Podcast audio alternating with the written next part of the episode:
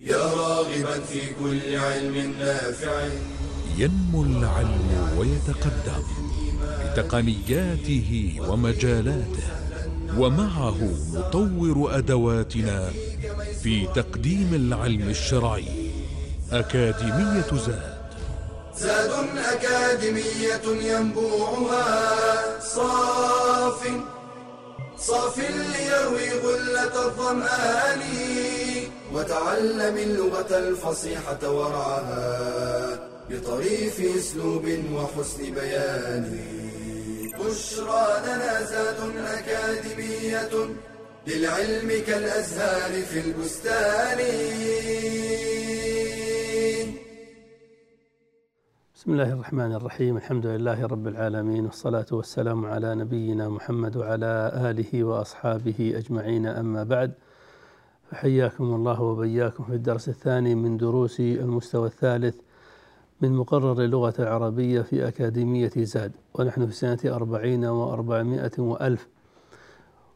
وفي هذا الدرس بإذن الله تعالى سنتكلم على أهم أحكام الفاعل لأن الفاعل له أحكام كثيرة. فبعد أن ذكرنا في الدرس الماضي تعريف الفاعل وأنواعه دعونا نتحدث اليوم عن أهم أحكام الفاعل من تقديمه وتأخيره وحذفه وفصله عن فعله تذكيره وتأنيثه وتأخيره عن الفعل وهكذا. فالحكم الأول من أحكام الفاعل وجوب تأخيره عن فعله. فيجب أن يتأخر وأن يتقدم عليه فعله كما أشرنا إلى ذلك في التعريف. فنقول نجح محمد.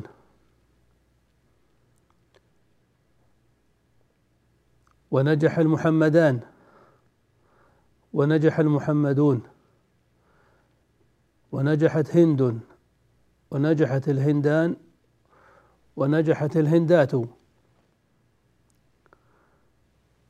فإن قلت ألا يجوز أن يتقدم الفاعل على الفعل فالجواب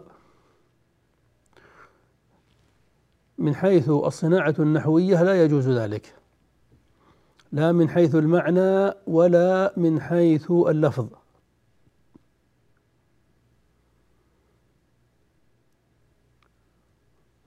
أما من حيث اللفظ فهذا واضح.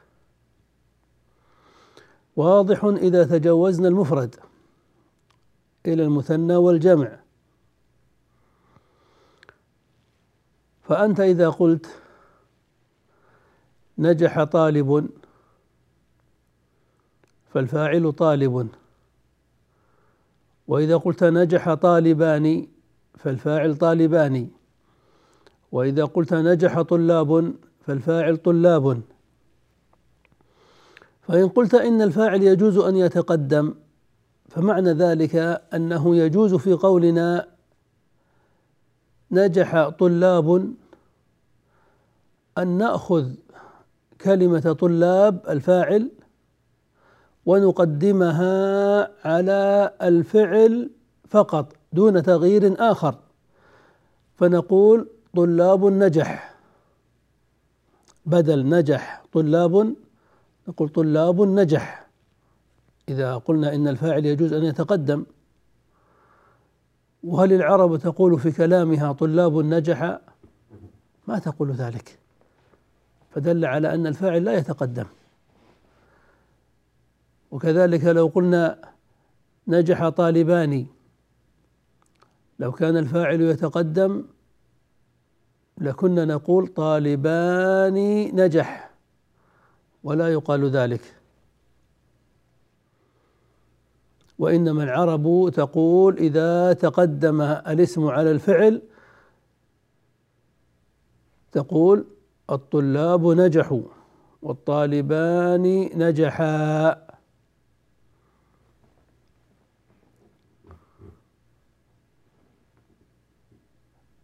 يعني لو قلت نجح طلاب المدرسة ثم أرادت العرب أن تقدم الاسم على الفعل فإنها تقول طلاب المدرسة نجحوا. فتأتي بالفاعل بعد الفعل ضميرا. الطلاب نجحوا لأن الفاعل لا بد أن يكون بعد الفعل. ظاهرا أو ضميرا. لكن ما يجوز أن يقال طلاب المدرسة نجح على أن الفاعل متقدم. فدل ذلك على أن العرب إذا قدمت الاسم فإنها لا تجعله فاعلا وإنما تجعله مبتدأ تخبر عنه بما بعده. فتجعل ما بعده جملة مكونة من فعل ومن فاعل بعد الفعل. الإشكال الذي قد يتوهمه بعض الطلاب يأتيهم من صورة المفرد في نجح الطالب أو نجح محمد أو نجحت هند يعني مع المفرد. فإن الصورة لا تتغير. مع التقديم والتأخير. فتقول نجح محمد أو تقول محمد نجح الصورة ما تتغير فلهذا أوهمهم وأوقعهم في ذلك. لكن لو تجاوزنا المفرد إلى المثنى فقلنا نجح المحمدان أو نجح المحمدون لتبين أن التقديم غير جائز. إذ لا نقول المحمدون نجح ولا المحمدان نجح. فدل ذلك على أن الفاعل لا يتقدم من حيث اللفظ. أما امتناع تقدم الفاعل من حيث المعنى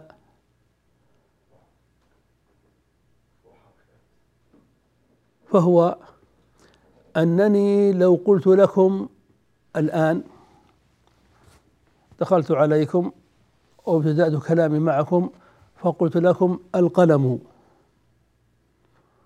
عندما قلت لكم القلم هل فهمتم أنه فاعل؟ هل فهمتم أنه فعل شيئا؟ لا الدليل على ذلك أنكم ستسألون عن خبره تقول ما باله؟ القلم ما شأنه؟ تنتظرون خبرا عنه ثم إني أخبر عنه بما أشاء إما أن أخبر عنه بمفرد القلم جميل. أو أخبر عنه بجملة اسمية القلم خطه جميل. أو أخبر عنه بجملة فعلية فعلها ظاهر. كأن أقول القلم سقط غطاؤه. فسقط غطاؤه جملة فعلية مكونة من فعل وفاعل وهي خبر للمبتدأ القلم. وإما أن أقول القلم سقط. هذه الصورة هي التي توهم بعض الطلبة بأن القلم فاعل متقدم.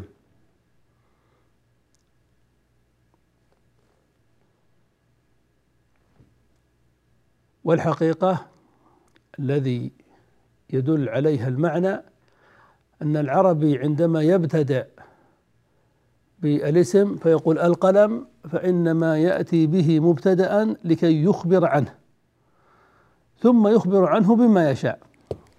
قد يخبر عنه كما ذكرنا بجملة فعلية مكونة من فعل والفاعل مستتر. فيقول القلم سقط أي سقط هو. فدل ذلك على أن الفاعل يجب تأخره عن الفعل ولا يجوز أن يتقدم. هذا هو الحكم الأول. وأما الحكم الثاني فنذكره بإذن الله بعد الفاصل فانتظرونا. بشرى لنا زاد أكاديمية للعلم كالأزهار في البستان.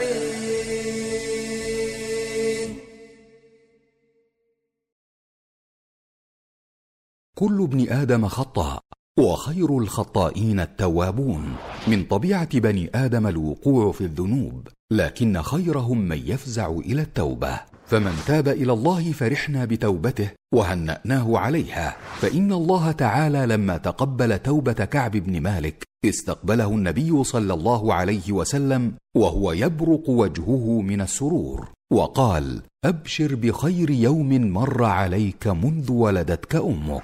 والتائب منكسر يحتاج إلى من يلطف به حتى يثبت على طريق الهداية. قال تعالى فبما رحمة من الله لنت لهم ولو كنت فظا غليظ القلب لانفضوا من حولك ونفتح له باب الأمل ونبشره بسعة رحمة الله وأنه يقبل التائبين. قال تعالى وهو الذي يقبل التوبة عن عباده ويعفو عن السيئات ويعلم ما تفعلون. ولا نوبخه ولا نعنفه بذنب قد تاب منه. قال النبي صلى الله عليه وسلم لا تكونوا عون الشيطان على أخيكم ولكن قولوا اللهم اغفر له اللهم ارحمه ولا نعيره بسالف ذنبه ولو بعد حين. قال الحسن البصري رحمه الله كنا نحدث أنه من عير أخاه بذنب قد تاب إلى الله منه ابتلاه الله عز وجل به وندله على ما يثبته على طريق الهداية. كتلاوة القرآن وذكر الله تعالى وصحبة الأخيار وهجر الأشرار ونواليه بالزيارة والسؤال عنه ونصطحبه معنا إلى مجالس العلم والفضل ولنستر عليه ولا نخبر بما علمنا من معاصيه وننصحه أن يستر نفسه. قال النبي صلى الله عليه وسلم من ستر مسلما ستره الله في الدنيا والآخرة وينبغي أن نساعد التائب على معيشته فمن تاب من وظيفة محرمة نسعى له في وظيفة مباحة ومن تاب من كسب محرم نوفر له باب كسب حلال. فلنساعد التائب والمشارك في التوبة فإنها واجبة على الجميع وكلنا يرجو الإعانة عليها. قال تعالى وتوبوا إلى الله جميعا ايها المؤمنون لعلكم تفلحون بشرى لنا زاد أكاديمية للعلم كالأزهار في البستان. بسم الله الرحمن الرحيم. والحكم الثاني من أحكام الفاعل أن الفاعل مهما تغير من الإفراد إلى التثنية إلى الجمع فإن فعله يلزم الإفراد. فتقول مع الفاعل المفرد ذهب محمد ومع المثنى المحمدان ذهب المحمدان. ومع الجمع المحمدون نقول ذهب المحمدون. فالفاعل صار مفردا محمد ومثنى المحمدان وجمعا المحمدون. ومع ذلك نجد أن الفعل لازم الإفراد ذهب لا يثنى مع المثنى لا نقول ذهب المحمدان ما نقول ذهب طالب علم ولا يجمع مع الفاعل المجموع. لا نقول ذهبوا المحمدون ونجحوا طلاب الفصل بل نلزم إفراد الفعل. فنقول نجح طلاب الفصل ونجح طالبان مجتهدان. هذه لغة جمهور العرب. قال سبحانه قال رجلان من الذين يخافون. قال رجلان. فأفرد الفعل قال ولم يثنه مع أن الفاعل مثنى رجلان. وقال سبحانه قد أفلح المؤمنون. فأفرد الفعل أفلح ولم يجمعه أفلحوا مع أن الفاعل مجموع. وهكذا. إذا فخلاصة هذا الحكم أن الفعل يلزم الإفراد سواء أكان الفاعل مفردا أم مثنى أم مجموعا. أما الحكم الثالث من أحكام الفاعل فهو حكم الفاعل مع فعله من حيث التذكير والتانيث. الفاعل قد يكون مذكرا وقد يكون مؤنثا فما حكم الفعل حينئذ؟ هل يجب أن يطابق الفاعل تذكيرا وتانيثا؟ على كل حال أم أن في هذا الحكم تفصيلا ينبغي أن نعرفه ينبغي أن نعرفه؟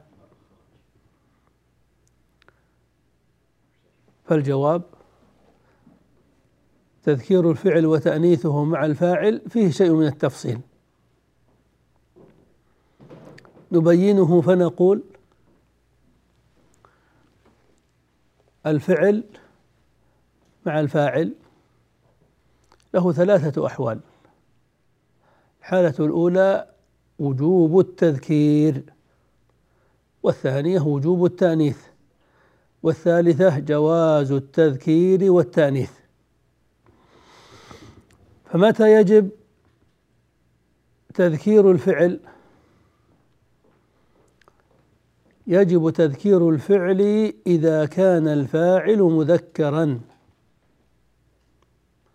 إذا كان الفاعل مذكرا فالفعل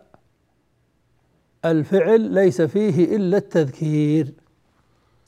ذهب محمد وذهب المحمدان وذهب المحمدون. وتقول جاء حمار وسقط الجدار. حمار وجدار هذه أسماء مذكرة. إذا ليس في فعلها إلا التذكير. يعني سواء كان الفاعل مذكر عاقلا أم غير عاقل. فليس في فعله إلا التذكير. وسواء كان مثنى جاء المحمدان وسقط الجداران أو كان جمعا صحيحا. يعني جمعا سالما. كقولك جاء المحمدون أو حضر المعلمون. أما ما سوى الجمع الصحيح ما سوى الجمع السالم ففيه تفصيل سيأتي إن شاء الله تعالى. إذا فالحالة الأولى وجوب التذكير. إذا كان الفاعل مذكرا سواء كان مفردا كذهب محمد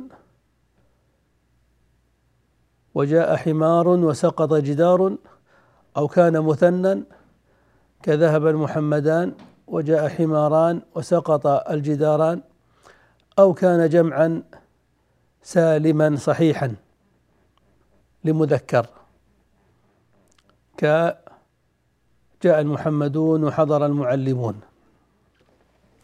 والحالة الثانية للفعل من حيث التذكير والتأنيث وجوب التأنيث. وجوب تأنيث الفعل. وتأنيث الفعل يكون بتاء التأنيث الساكنة في آخر الماضي كذهب وذهبت وجاء وجاءت وصلى وصلت. وبتاء التانيث المفتوحة في أول المضارع كيذهب وتذهب ويصلي وتصلي. فهذا تأنيث الفعل. ومتى يكون تأنيث الفعل واجبا؟ يكون تأنيث الفعل واجبا في حالتين. الحالة الأولى إذا كان الفاعل المؤنث حقيقي التأنيث متصلا إذا كان الفاعل المؤنث حقيقي التأنيث متصلا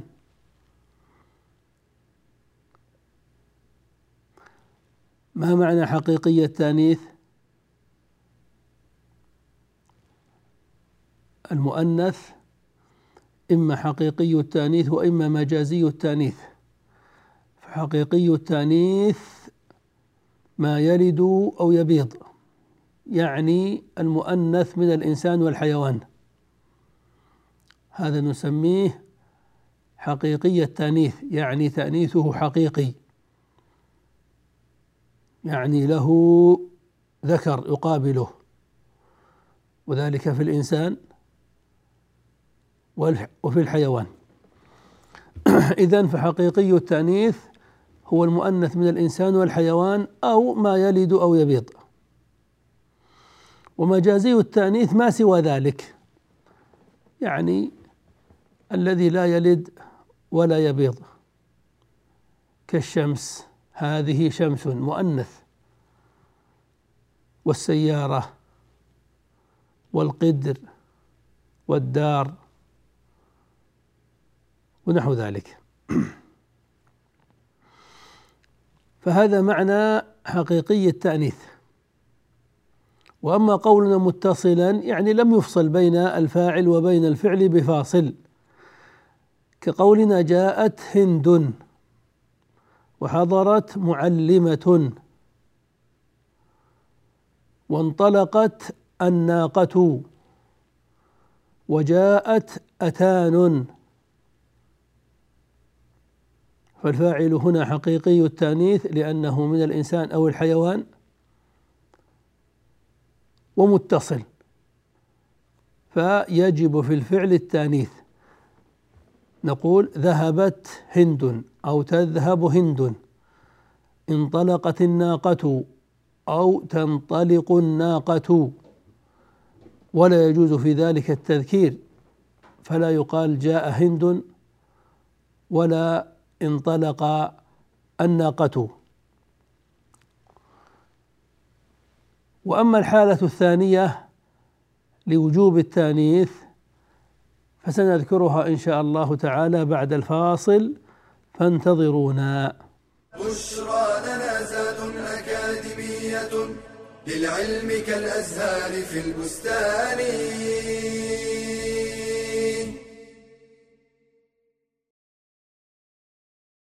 الفقيه المجتهد صاحب الرأي والحجة والبيان أحد أئمة المذاهب الأربعة الفقهية أبو حنيفة النعمان بن ثابت التيمي الكوفي. أصوله من فارس ولد سنة ثمانين للهجرة ورأى أنس بن مالك رضي الله عنه. نشأ بالكوفة وكان يبيع الحرير وقد طلب العلم منذ صغره حتى نبغ وعلى ذكره فانقطع للتدريس والإفتاء. وكان من شيوخه الذين تلقى العلم عنهم حماد بن أبي سليمان وعطاء بن أبي رباح والشعبي والأعرج وقتادة والزهري وغيرهم. أما تلاميذ أبي حنيفة فكثيرون أشهرهم القاضي أبو يوسف ومحمد بن الحسن الشيباني وزفر بن الهذيل والحسن بن زياد اللؤلؤي ومنهم كذلك ولده حماد وعبد الرزاق بن همام ووكيع بن الجراح. وكان رحمه الله قوي الحجة ثاقب الذهن من أحسن الناس منطقا وقد شهد له العلماء بالفقه والإمامة. قال الإمام مالك لو حدثك أبو حنيفة عن السارية أنها من ذهب لقام بحجته. وقال الإمام الشافعي الناس في الفقه عيال على أبي حنيفة. وقال أبو نعيم كان أبو حنيفة صاحب غوص في المسائل. وقال الذهبي الإمامة في الفقه ودقائقه مسلمة إلى هذا الإمام وهذا أمر لا شك فيه. وقد جمع إلى علمه وفقهه الورع والعبادة. قال عنه تلميذه أبو يوسف كان شديد الذب عن المحارم شديد الورع لا ينافس أهل الدنيا فيما بين أيديهم. طويل الصمت دائم الفكر. وقال أبو عاصم النبيل كان أبو حنيفة يسمى الوتد لكثرة صلاته. وقال مكي بن إبراهيم جالست الكوفيين فما رأيت أورع من أبي حنيفة. وقال عبد الله بن المبارك ما سمعت أبا حنيفة يغتاب عدوا له قط.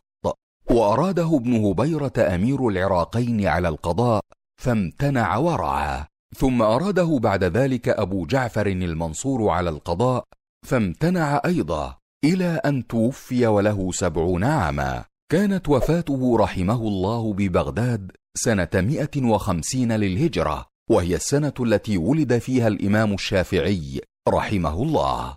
من أقواله رحمه الله تعالى إنما أدركت العلم بالحمد والشكر فكلما فهمت ووقفت على فقه وحكمة قلت الحمد لله تعالى فازداد علمي. بشرى لنا زاد أكاديمية للعلم كالأزهار في البستان. السلام عليكم. قلنا إن تأنيث الفعل الواجب يكون في حالتين. الأولى أن يكون المؤنث حقيقيا متصلا. والحالة الثانية لوجوب تأنيث الفعل. إذا كان الفاعل المؤنث ضميرا. إذا كان الفاعل المؤنث ضميرا مطلقا. يعني سواء أعاد على مؤنث حقيقي أم مؤنث مجازي؟ فمتى ما كان الفاعل المؤنث ضميرا وجب في فعله التأنيث. كقولنا هند ذهبت. ففاعل ذهبت كما عرفنا ضمير مستتر تقديره هي. أو الشمس طلعت. أي هي. أو هند تذهب والشمس تطلع. أي هي. ومن ذلك قوله تعالى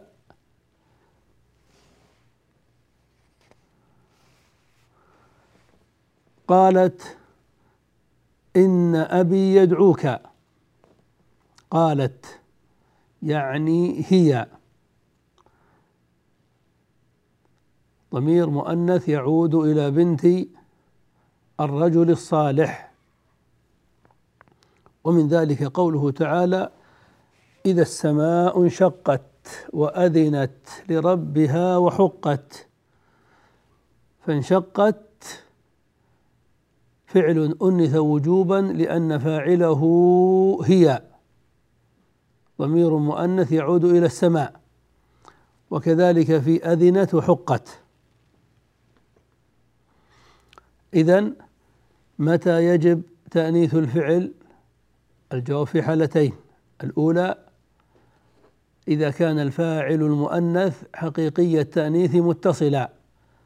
والحالة الثانية إذا كان الفاعل المؤنث ضميرا. طيب.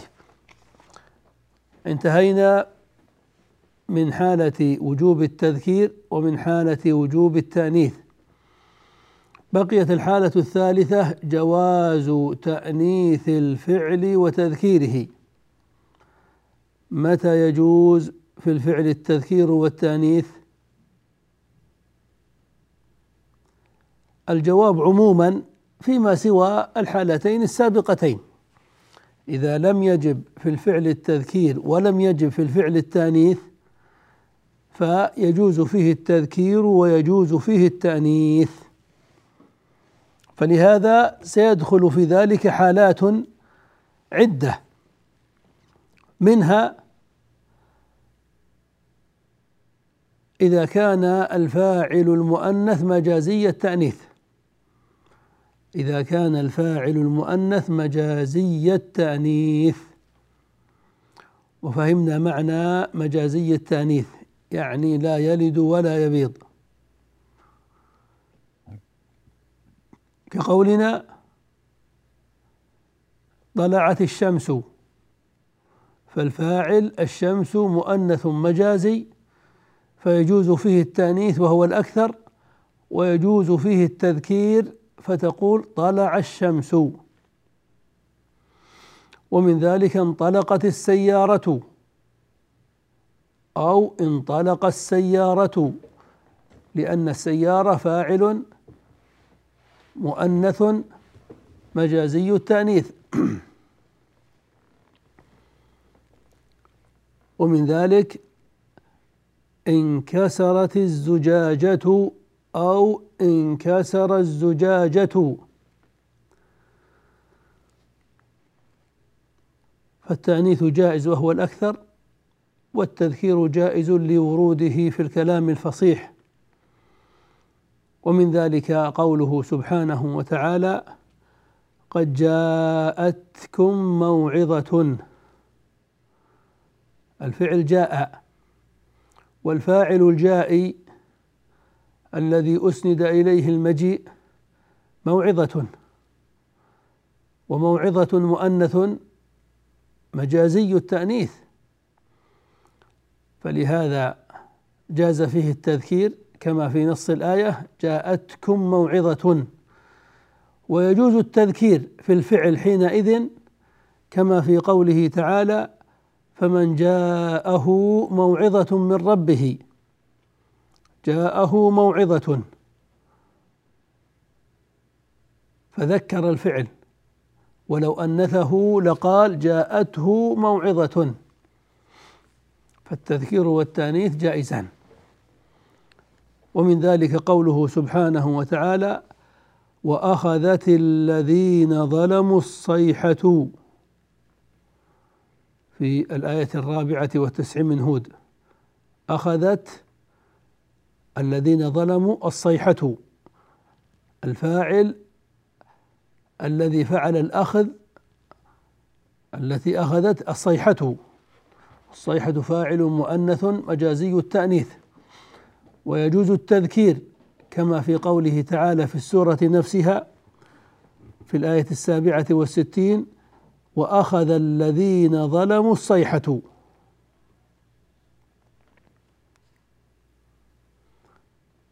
فهذا الموضع الأول من مواضع جواز التذكير والتأنيث في الفعل إذا كان الفاعل المؤنث مجازي التأنيث. ومن مواضع جواز التأنيث والتذكير في الفعل أيضا أن يكون الفاعل المؤنث مفصولا عن الفعل. إذا كان الفاعل المؤنث مفصولا عن الفعل بأي فاصل؟ فإن كان هذا الفاعل المؤنث المفصول عن فعله مجازي التأنيث فالأمر واضح لأن مجازي التأنيث يجوز فيه التذكير والتأنيث مطلقا.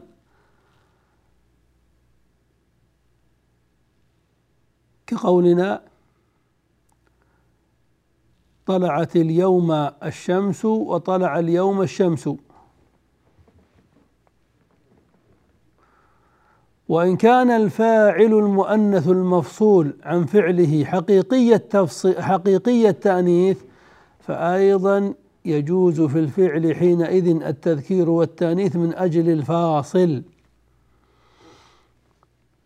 والتأنيث أكثر. فيجوز أن تقول جاءت اليوم هند. وجاء اليوم هند. وجاءت إلى المدرسة المعلمة. وجاء إلى المدرسة المعلمة.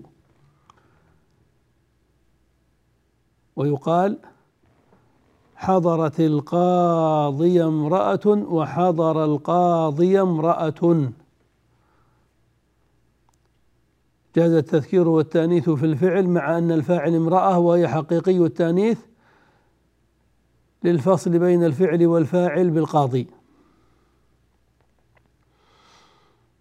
ومن ذلك قوله سبحانه وتعالى إذا جاءك المؤمنات.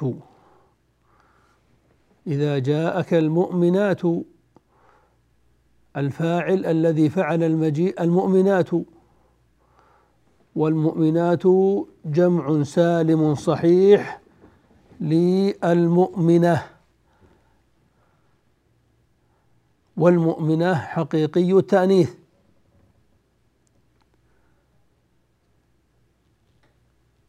فجاز في الفعل التذكير والتأنيث والآية جاءت هنا على التذكير لوجود الفاصل. والفاصل هنا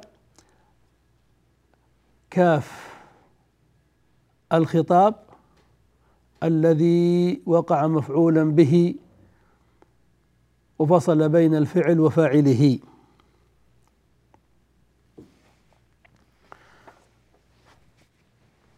وبقي هناك موضع ثالث أيضا لجواز التذكير والتأنيث ولكنه يحتاج إلى شيء من البيان. فلهذا نرجئه بإذن الله تعالى إلى الدرس القادم. فانتظرونا إلى ذلكم الحين ونلتقيكم على خير. والسلام عليكم ورحمة الله وبركاته. يا راغبا في كل علم نافع متطلعا لزيادة الإيمان. وتريد سهلا النوال ميسرا يأتيك ميسورا بأي مكان. زاد زاد أكاديمية ينبوعها. صاف صاف ليروي غلة الظمآن. بشرى لنا بشرى لنا بشرى لنا زاد أكاديمية للعلم كالأزهار في البستان.